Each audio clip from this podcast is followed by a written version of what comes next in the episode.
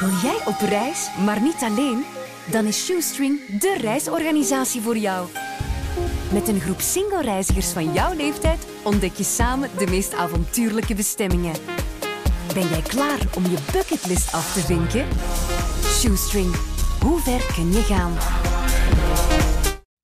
Oké, we krijgen dus de kans om Kim Andersen te interviewen. Hij was ploegleider bij CSC en zit dus midden in de piramidestructuur die zich rond Cancellara gevormd heeft. En wie weet, kunnen we zo langzaam hoger en hoger op die piramide klimmen. En komen we wel terecht tot bij Bjarne Ries. Of nog beter, tot bij Fabian Cancellara zelf. Ongenaakbaar baant hij zich een weg onvoorstelbaar. Trapt het van zich af, wonen is daar. Maar Cancellara is al weg, is het echt wat men zegt.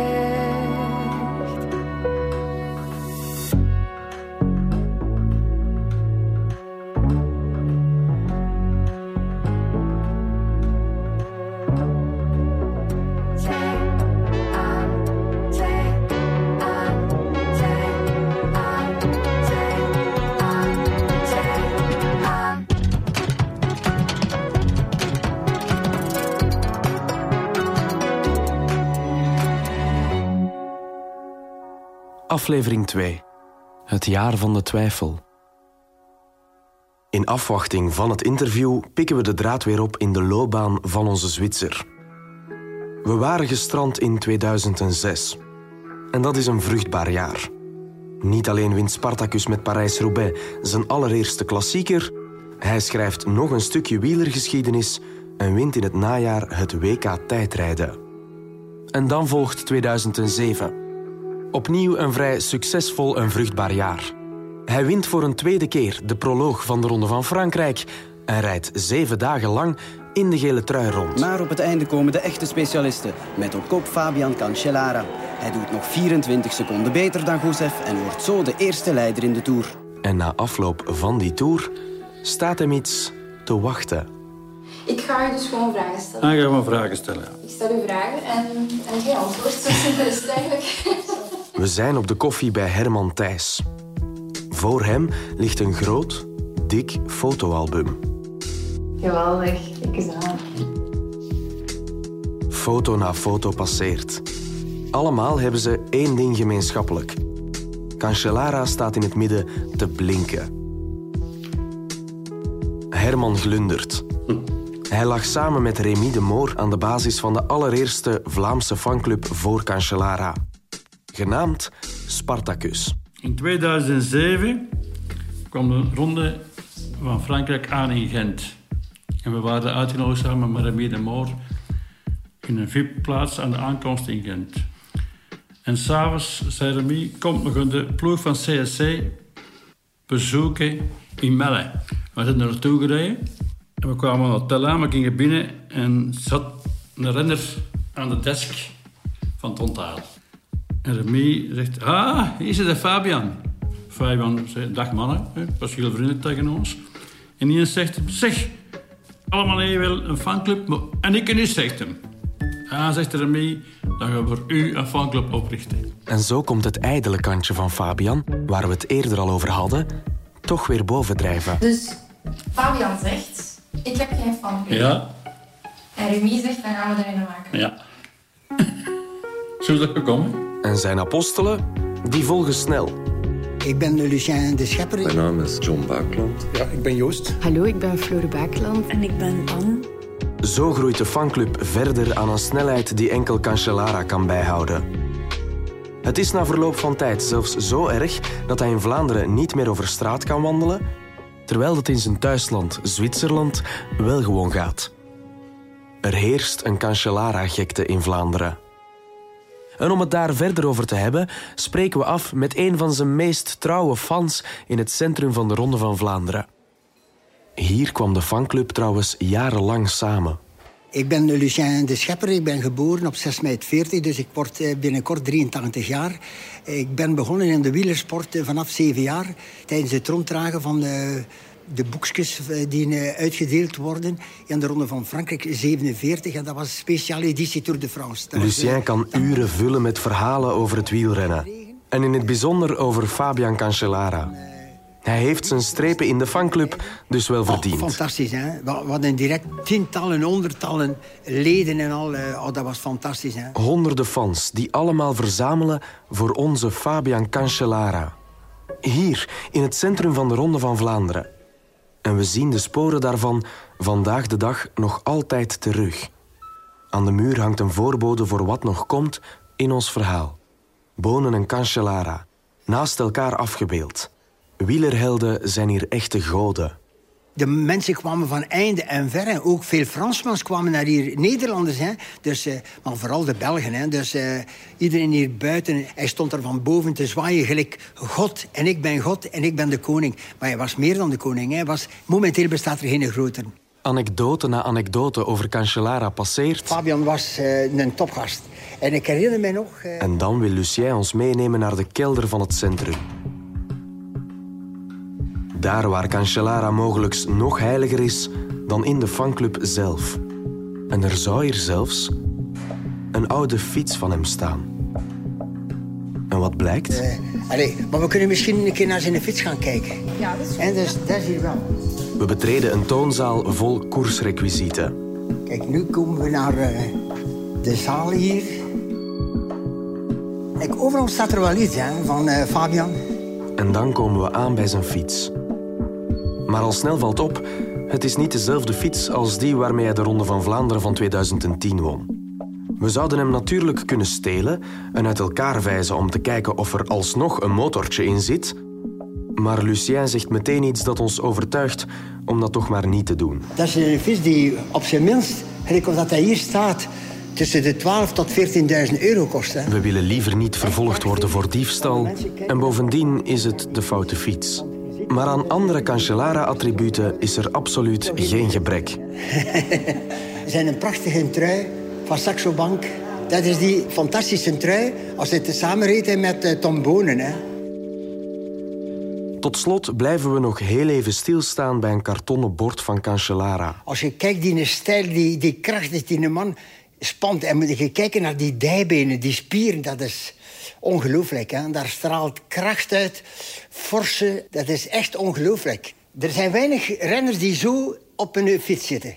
En ik dat Fabian Cancellara was. Lucien adoreert onze Spartacus vooral voor zijn Flandrien-gehalte. Wat lag nog meer aan de basis voor die Cancellara-gekte? We vroegen het aan een aantal van zijn fans. Misschien ook wel die tweestrijd op dat moment met een tombone. Diegenen die dat tombonen wat minder, wat minder lagen, die kwamen misschien al snel bij, bij Fabian uit. Hij spreekt ook een woordje Nederlands, hè? dus eh, Engels en al, maar vooral Frans. Maar het is een vedette. Wat zegt hij dan tegen uh, Ja, mon ami, hè. Mijn vrienden, het is echt. Hè. Dus uh, dat was Fabian Cancellara. Het is een dankbare figuur in de zin van... in het Centrum Ronde van Vlaanderen gaat hij pintjes stappen voor zijn, uh, voor zijn fans te bedanken. Een super warm persoon. Echt, ondanks dat wij minder voorstellen en dat hij zo'n grote carrière heeft, je voelt je daar enorm mee op je gemak. Hè. Hij is de kracht dezelfde. En vooral zeer sportief en vooral vriendelijk en vooral eerlijk. Die kwam gewoon babbelen bij ons. Het is uw wielerridool. Die staat voor u, die babbelt. Ha, ik kreeg toch even warm op die moment. Toen ons jongste zoon Thor geboren is, ben ik Thor gaan inschrijven in de fanclub van uh, Fabian. Hij was zes dagen oud, de jongste supporter. De dag nadien kwam Fabian naar de ronde. Heeft hij Thor in zijn handen gehouden. En dat is iets dat zowel ons als hem bijgebleven is, denk ik. Ja. Cancellara doet, als we het zo horen, enorm veel voor zijn fans. En dat werkt zijn populariteit alleen maar in de hand. Op alle vlakken lijkt het trouwens goed te gaan met hem. In hetzelfde jaar als de geboorte van zijn fanclub ziet ook zijn dochtertje Juliana het levenslicht. Zijn familie is trouwens heilig voor hem. Dat zegt ook Guy van den Langenberg, auteur van Cancellara's biografie. Ja, nee, het is een familieman. Hij gaat elk jaar zeker twee keer skiën met zijn familie. Dan hoef je hem echt niet te storen. Dan is het echt familietijd. En uh, hij heeft ook altijd zijn vrouw gesteund. Die heeft een eigen kapsalon. Ja, dat zijn zaken die hij volledig steunt. Hij, hij heeft zeker niet geëist dat ze de hele dag bij hem zou zijn. Of, of, of alleen maar voor hem zorgen. Dus familie is echt wel uh, zeer belangrijk, ja. Een familieman die moeite doet voor zijn fans, er goed uitziet en bovendien nog eens een geweldige atleet is? Het is een beetje de ideale schoonzoon. Je kan er niets tegen hebben. En toch is er één kantje dat telkens boven komt drijven. Want hij is ijdel, hij is heel ijdel, Fabian. Zelfs in het bijzijn van zijn fans. Want herinner je je toch nog het jongste lid van de Cancellara fanclub. Dat was ook Fabian zijn eerste vraag. Why Thor? Want Thor was ook een concurrent van Fabian, Thor Hushoff. Dus hij vroeg, why not Fabian? En zo kantelt dit verhaal langzaam.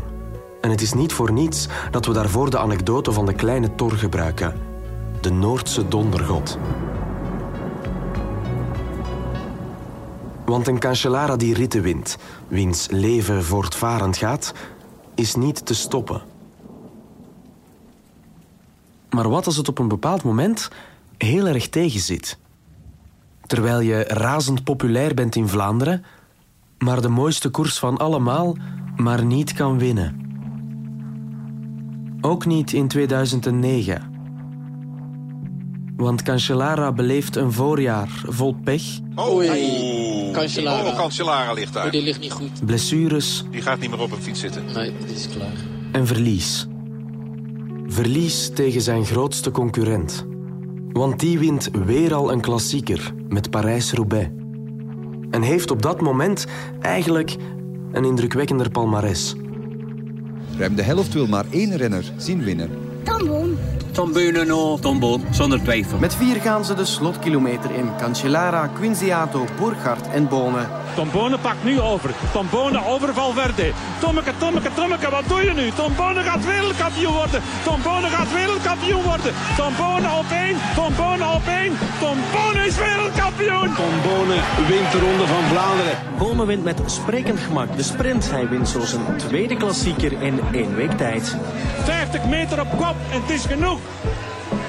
Tom is wereldkampioen. Tom Bonen earns the applause of the nation Cancellara probeert het van ver, maar Bonen laat zich niet verrassen. Hij spurt er nog net voorbij en wint zijn vierde E3-prijs op rij. Bonen, kampioen, keizer van de kasseiwereld. Derde keer Parijs-Roubaix. Schitterend. Moeder, we zijn nog niet thuis. Bonen dus, de eeuwige concurrent van Cancellara. Die op dat moment al meer klassiekers gewonnen heeft dan onze Fabian. En die ene koers die Cancellara maar niet kan winnen, al twee keer. Mensen begrijpen niet buitenstaanders voor een coureur een koers winnen, hoe belangrijk dat, dat is. Laat staan de Ronde van Vlaanderen winnen. Ten eerste, ga maar eens na, hoeveel coureurs winnen er koersen. De meeste coureurs winnen niet. Ik heb nog voetbal gespeeld, cafévoetbal naam van de ploeg FC De Voize. En een Voize bij ons is... Dus, Rick maakt een handgebaar. Dus dat was meer van cafévoetbal. Pinten drinken. Ongelooflijk slechte ploeg, maar we spelen toch twee, drie keer gelijk per seizoen. En we wonnen zelfs een keer. We verloren niet altijd. De meeste coureurs verliezen iedere koers. En als je niet goed tegen je verlies kan, omdat je bijvoorbeeld heel ijdel bent, kan dat lastig zijn. We bekeken eerder al of er een valspeler in het karakter van Fabian schuilt. Hij is ijdel, gedreven, heeft oog voor precisie en kwaliteit en wil kost wat kost het onderste uit de kan halen. Dat klinkt als het karakter van iemand die in staat is om te frauderen, maar om daar nu conclusies uit te trekken. Tja. Er is natuurlijk ook nog de druk van de fanclub. Maar zou die echt zo groot zijn dat je gaat frauderen? Wie of wat zou er dus nog toegeleid kunnen hebben dat hij later met een motortje in de fiets de Ronde van Vlaanderen gaat rijden? Ten eerste is er zijn omgeving, maar daarvoor wachten we op het interview met Kim Andersen. En niet geheel onbelangrijk in dit verhaal zijn de veranderingen in het klimaat. En daarmee doel ik op doping. Want waarom zou je het riskeren om met een motortje te rijden als iedereen in het peloton, volgens Rick dan toch, onder invloed van EPO rijdt? Wel, daarvoor spoelen we best even terug in de tijd.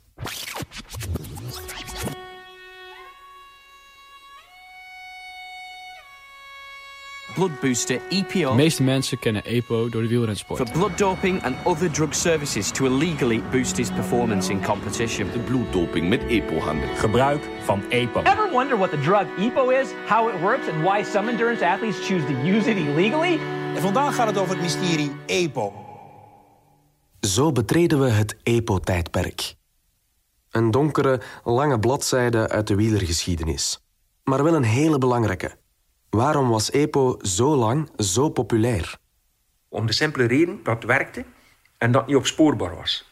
Wat wel, dat er, er wordt iets uitgevaardigd en de regering zegt... we zouden willen dat je onder 20 rijdt op de autosnelwegen. Dat is veel beter, gaan minder doden vallen. En eigenlijk, iedereen begrijpt toch dat dat beter is voor de maatschappij... qua zwaar gewonden en belasting, hospitaal, etc. Onder 20. Maar we kunnen het niet controleren. We hebben daar de machine niet voor. Wat denkt hij? Er bepaalde mensen zich daar in eerste instantie aan, aan houden aan die 120. Een groot aantal gaat er zich niet aan houden. Hij gaat rijden aan 110, 120. Gaat dus langs alle kanten gaan ze voorbij flitsen. Totdat hij gaat zeggen... Ik ben toch geen idioot. Met dat verschil nog... Dat geen wedstrijd is nog. In een koers zeggen we mogen het niet doen. Niet doen, hè. Niet stout zijn, hè. Maar we kunnen het niet opsporen. Dus op een bepaald moment... Als je nog mee wilde doen, moest je EPO nemen. Ofwel die niet meer mee. Simpel. Hoe komt het nu bij EPO? EPO was een van de meest gebruikte dopingmiddelen bij renners en werd geïntroduceerd in 1987. Maar wat is EPO nu juist? Wel, het is een hormoon dat door de nieren geproduceerd wordt en stimuleert de aanmaak van rode bloedlichaampjes. Simpel uitgelegd, extra EPO toedienen betekent dus meer zuurstof in je bloed, waardoor je beter kan ademen en tot wel 25% sneller kan fietsen. Ik ben Lisa.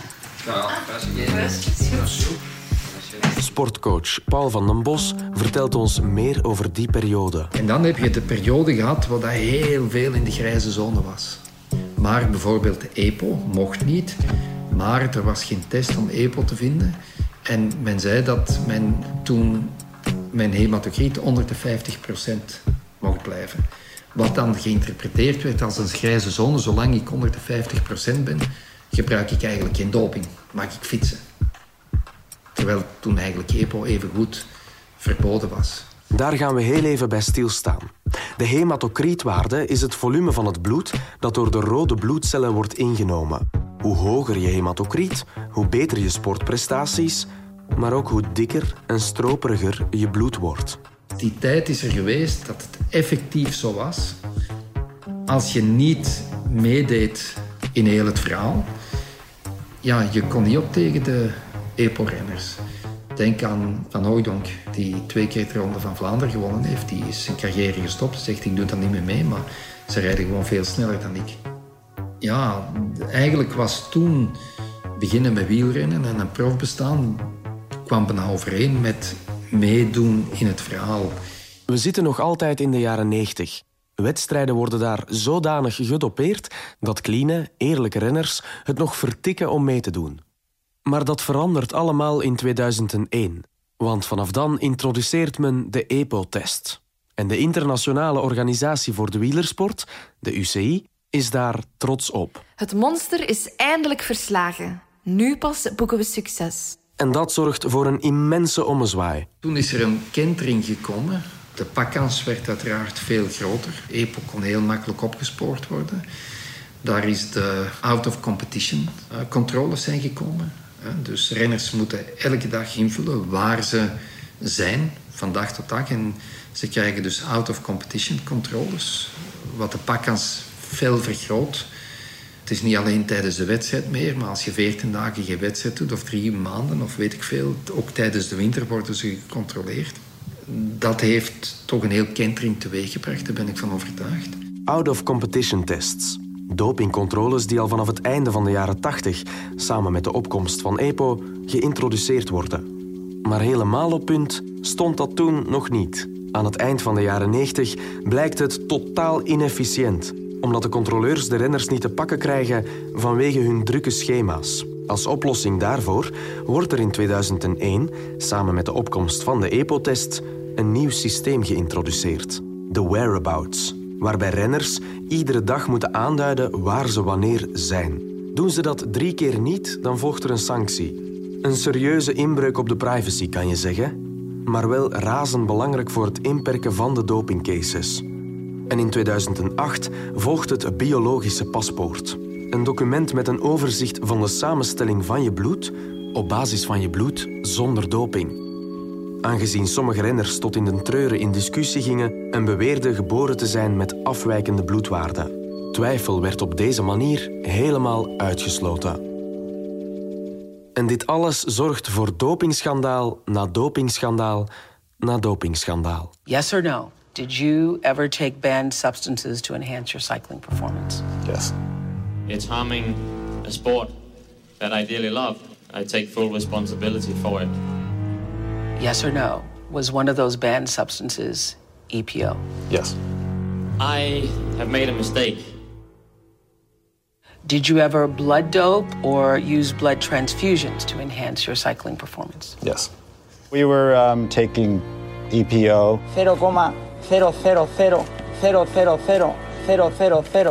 0,000000005. Het is gewoon een hele donkere periode geweest in het wielrennen. Ik heb ermee te maken gehad, Michael heeft daarmee te maken gehad. Dat is voor ons ook niet makkelijk geweest. Het was gewoon toen zo. Ja, ik heb ook uh, doping gebruikt. Ik heb uh, EPO gebruikt, cortisone gebruikt en uh, de laatste jaren van mijn carrière ook nog bloedtransfusies gedaan. Ik heb spijt dat ik die cultuur in stand heb gehouden. Daar heb ik spijt van. Er komt dus een einde aan het EPO-tijdperk. En dat heeft er misschien wel voor gezorgd dat men op zoek ging naar andere manieren om vals te spelen. Want de mens is creatief en gaat altijd op zoek naar het gaatje.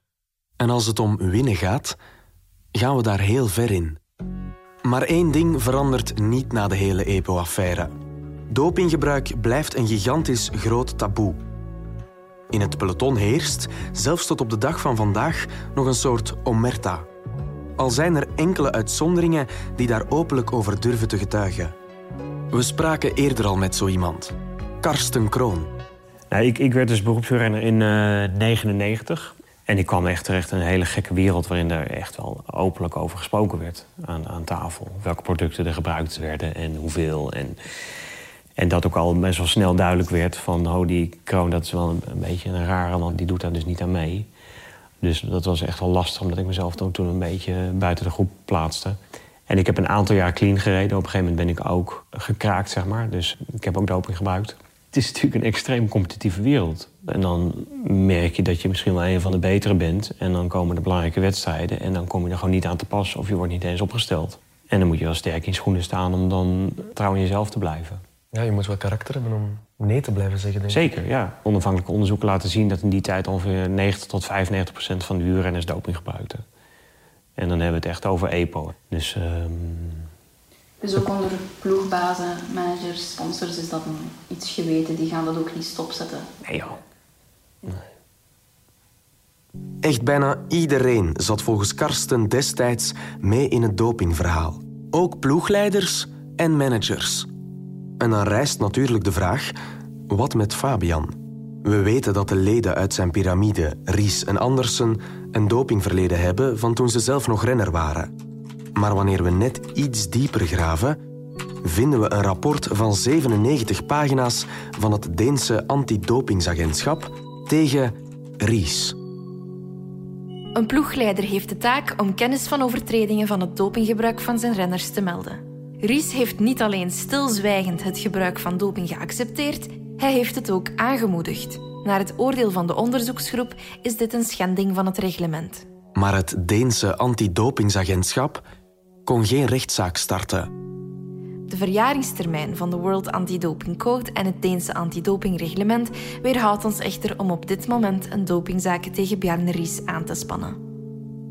Ries heeft niet alleen zelf een dopingverleden, hij moedigde zijn renners dus ook aan om doping te gebruiken. Hij kwam met de schrik vrij, met dank aan de verjaringstermijn.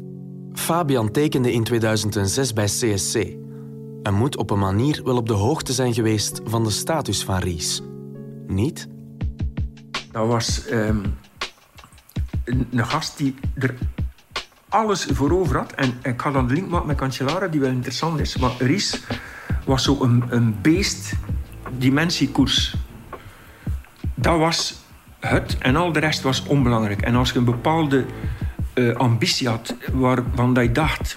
Misschien is het niet realistisch, maar er is een kansje dat ik die ambitie zou kunnen waarmaken, ging hij dan najagen. Ging daar alles voor doen. Dus noods de hematocriet tot 60 opblazen, dat je bloed bijna stroop wordt. Dus dat is de instelling van die gast. En ook Jappe bevestigt het verhaal van de hematocriet. Bjarne Ries, zijn bekendste bijnaam is Mr. 60. Dat wijst naar zijn hematocriet dat boven de 60% was. Om een idee te geven, als je hematocriet boven 60 is, dan is je bloed eigenlijk zo viskeus en dan is dat zoals confituur zo dik dat hij blijkbaar s'nachts enkele malen gewoon moest gewekt worden om te voorkomen dat hij een hartstilstand zou krijgen. Limieten van het menselijke lichaam gaan opzoeken gebeurde wel vaker destijds. Laurens ten Dam die sliep op de kamer met Thomas Dekker.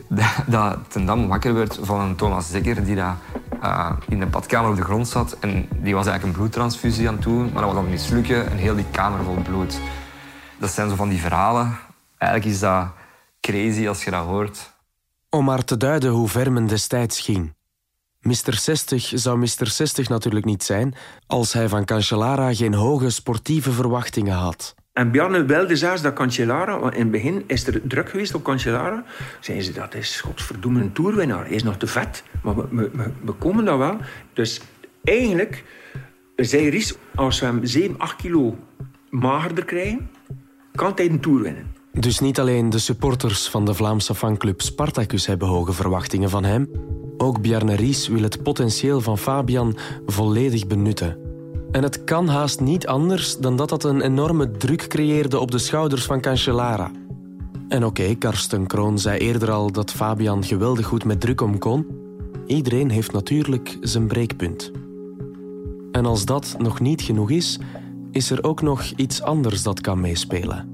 Problemen met de sponsor. Heel grappig. Ik heb een toilettas, die gebruik ik nog steeds. Ik ben even de naam even vergeten. Maar er staat dus een naam op van een sponsor... die uiteindelijk nooit heeft bestaan.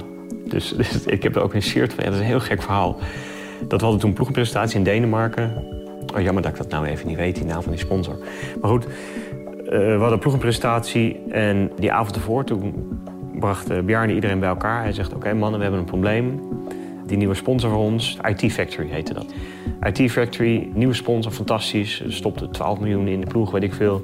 Voor meerdere jaren, fantastisch. Die eigenaar van IT Factory die is vandaag gevlucht naar Dubai.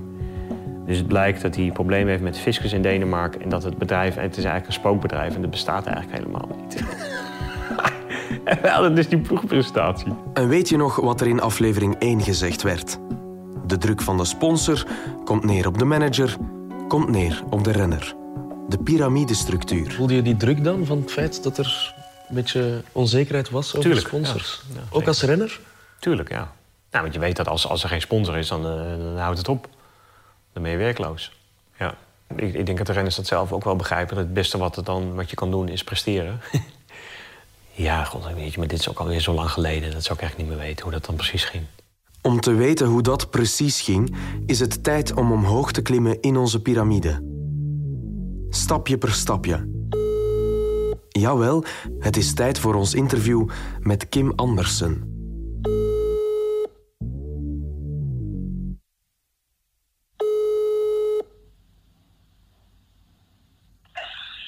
Hi, am I speaking with Kim Andersen? Ja. Oké, okay, we zijn er klaar voor. Maar het is belangrijk te beseffen dat we voorzichtig moeten zijn. Wij praten doorheen deze podcast met mensen, maar die mensen kunnen ook met andere mensen praten. Het is dus zaaks om niet te veel in onze kaarten te laten kijken.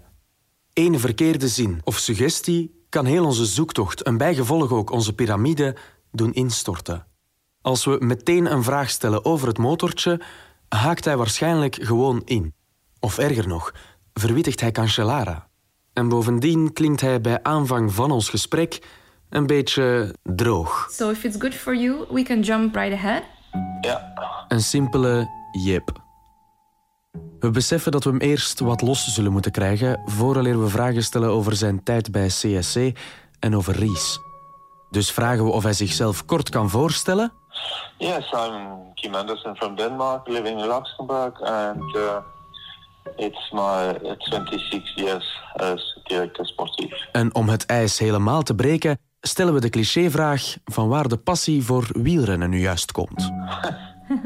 Yeah, that's that's a long story. This, uh, I don't know. I started when I was 11 years old. Een half uurtje later lijken we losgekomen. En al zeker wanneer we over Fabian beginnen. How would you describe the personality of Fabian? Was he very warm? Was He was a diva.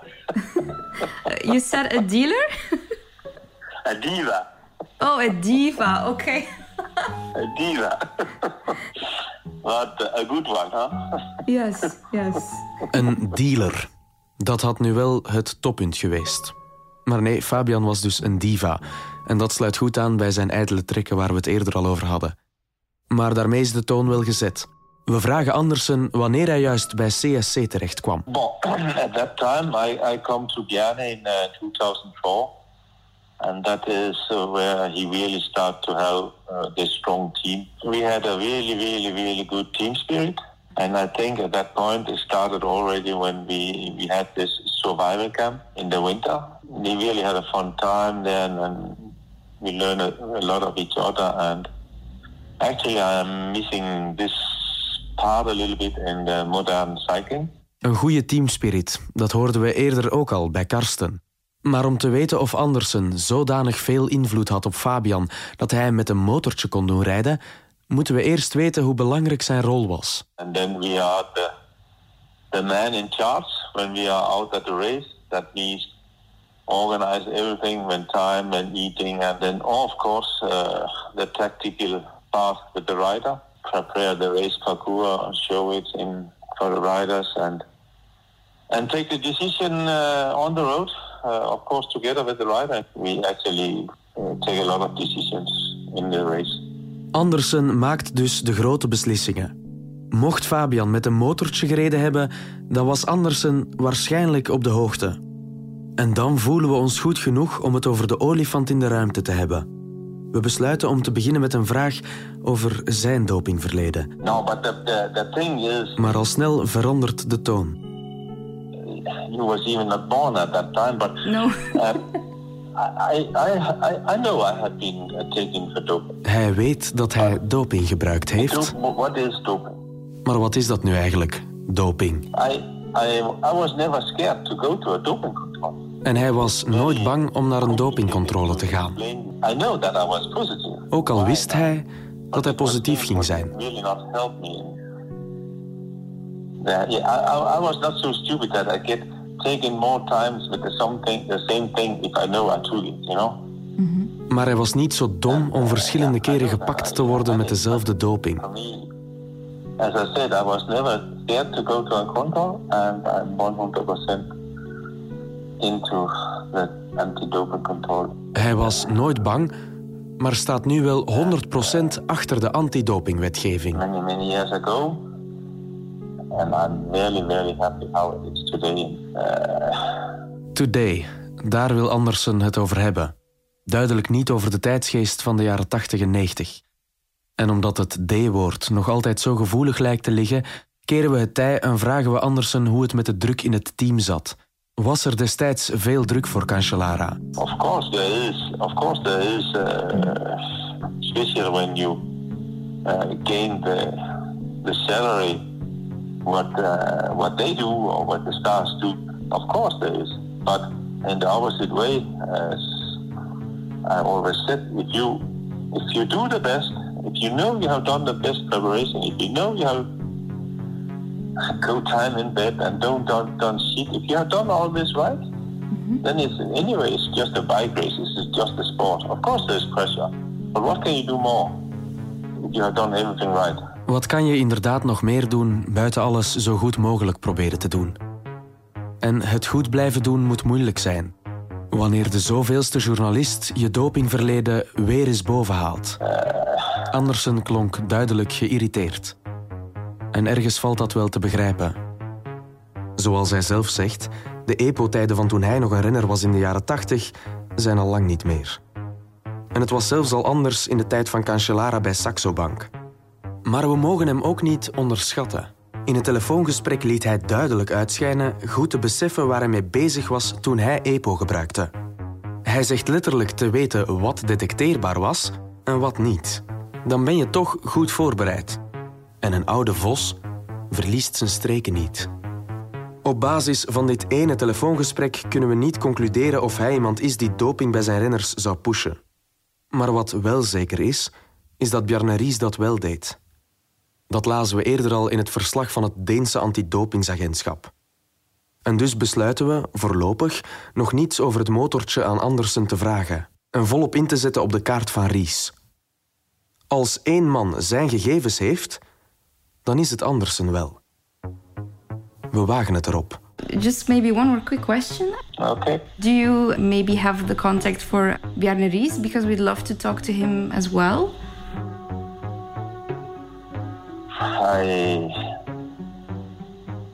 I, I, I have a number for him, yes, but I just don't know if I can give it. But I can give it yet. and you see if he take it, he take the That, phone. that's great. Yeah, that works for me. Hebbes. 2010 breekt aan in ons verhaal. Cancellara laat het slechte jaar 2009 niet meer aan zijn hart komen. Want hij schiet meteen uit de startblokken en wint de E3-prijs in Harelbeke. Eén week voor de cruciale Ronde van Vlaanderen. Vorige week zaterdag was de Zwitserse kampioen Bonen nog te snel af in de E3-prijs. Maar in het theater zeggen ze wel eens dat een generale repetitie niet te goed mag zijn. Fabian lijkt er helemaal klaar voor. Zo ziet de markt in Brugge er morgen weer uit. De vele wielerfans dromen van een derde zege voor Tom Bonen.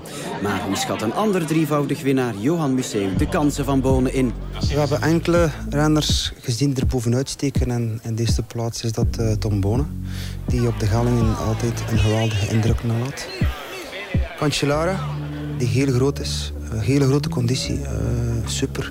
Laten we maar naar eh, de muur en de Bosberg gaan met die mensen die ik net opgenoemd heb en het daar laten uitvechten.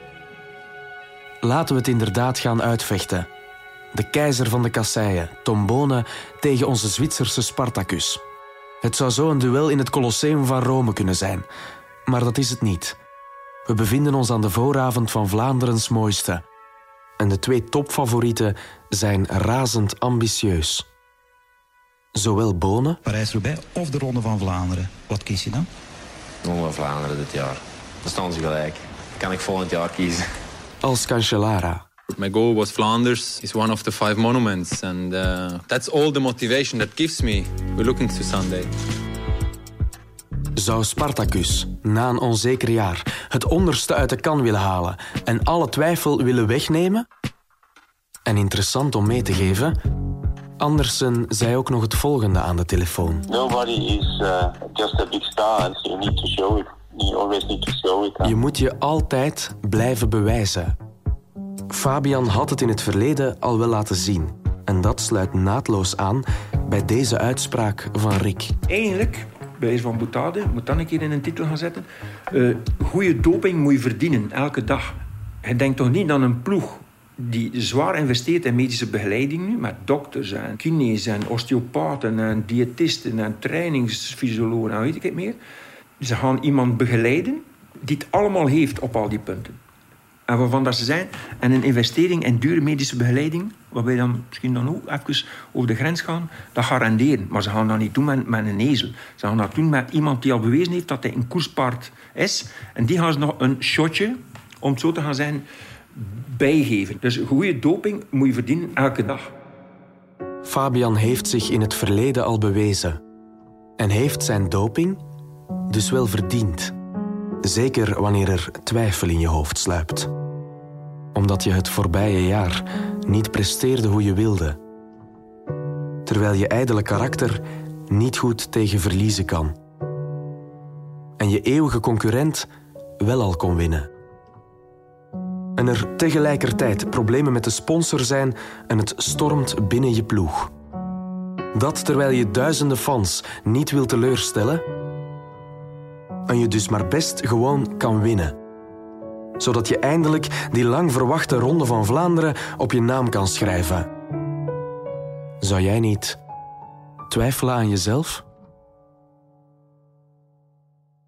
En dan ga je misschien wel, onder druk van je manager, op zoek naar hulpmiddelen. Geen EPO, dat tijdperk is gepasseerd. Het moet iets nieuw zijn dat nog nooit eerder gebruikt werd. En tegelijkertijd fenomenaal werkt. Maar vooral niet traceerbaar is. Zoiets als een motortje misschien.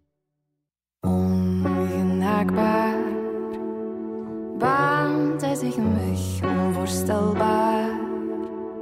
Trapt het van zich af, Bonen is daar. Maar Cancellara is al weg, is het echt wat men zegt. Dit was de tweede aflevering van de zesdelige podcastreeks De Fiets van Cancellara. Een productie van de Podcast Planet. In opdracht van HLN.